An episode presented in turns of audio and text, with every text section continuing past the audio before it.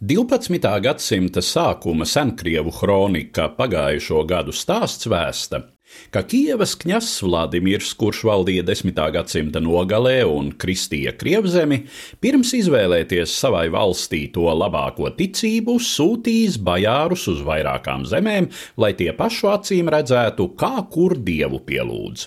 Pie islāmticīgajiem bulgāriem un Vācijas kristiešiem sūtņi nekādus pārliecinošos iespaidus nesot guvuši, taču par grieķu zemes, respektīvi Bizantijas impērijas apmeklējumu stāstījuši.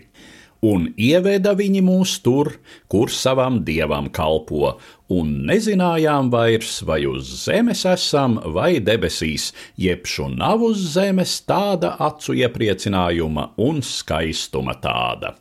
Kas zina, cik patiesības ir kronikas stāstā, taču vienā ziņā tas šķiet gana ticams.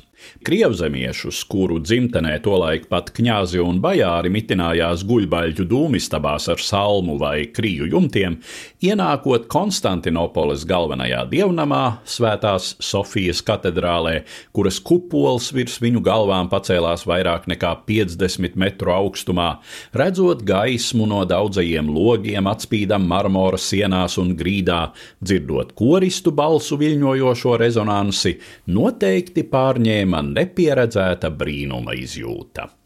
Pirmo svētās Sofijas baziliku Konstantinopolē uzcēla vēl 4. gadsimta pirmajā pusē imperatora Konstantīna I laikā, kurš pārcēla šurp impērijas galvaspilsētu un padarīja kristietību par Romas valsts reliģiju. Dievnams ir veltīts svētajai gudrībai, grieķu valodā Hagija Sofija. Šī pirmā baznīca tika nodedzināta sacelšanās laikā 5. gadsimta sākumā. Tāpat drīz nodega arī tās vietā uzcelta nākamā, bet skaitā jau trešā svētā Sofija nostāvēja līdz 532. gadam, kad Konstantinopolē izcēlās lielākie nemieri Bizantijas impērijas vēsturē, tā sauktā Nīkas sacelšanās. Imperatora Justiniāna I karaspēks apspiežot nemierus nogalināja vairāk vairāk nekā 30 tūkstošus pilsētnieku. Pēc tam valdnieks nemieros izpostītās bazilikas vietā lika celt jaunu, attiecīgo rīkojumu imperators izdeva 532. gada 23. februārī. Būvi vadīja divi tā laika Bizantijas izcilākie arhitekti - Izidors no Milētas un Antēmijs no Trallām.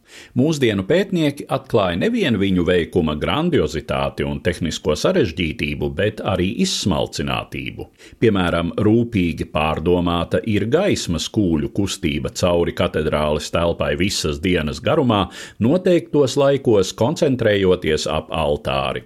Būvēšana prasīja vairāk nekā piecus gadus un trīs gadu impērijas valsts kases ieņēmumus.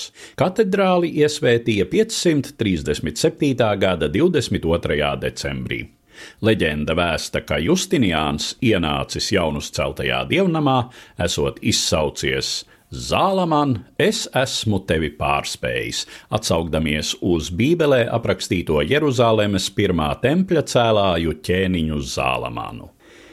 Vairāk nekā tūkstoš gadus Konstantinopoles Sofijas katedrāle bija lielākais kristiešu dievnams pasaulē, līdz to pārspēja 17. gadsimtā pabeigtā Svētā Pētera katedrāle Romā. Kristīgajai ticībai gan dievnams kalpoja tikai līdz 1453. gadam, kad Konstantinopole krita turku osmaņu rokās.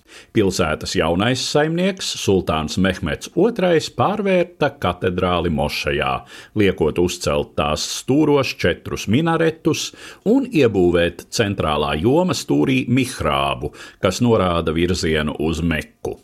Mošejas statusā Svētā Sofija sabija līdz 1935. gadam, kad Turcijas republikas prezidents Kemals Ataturks to pārvērta par muzeju. Tas ļāva daļēji atklāt un atjaunot līdz tam ar apmetumu aizsaktās bizantiešu mozaīkas.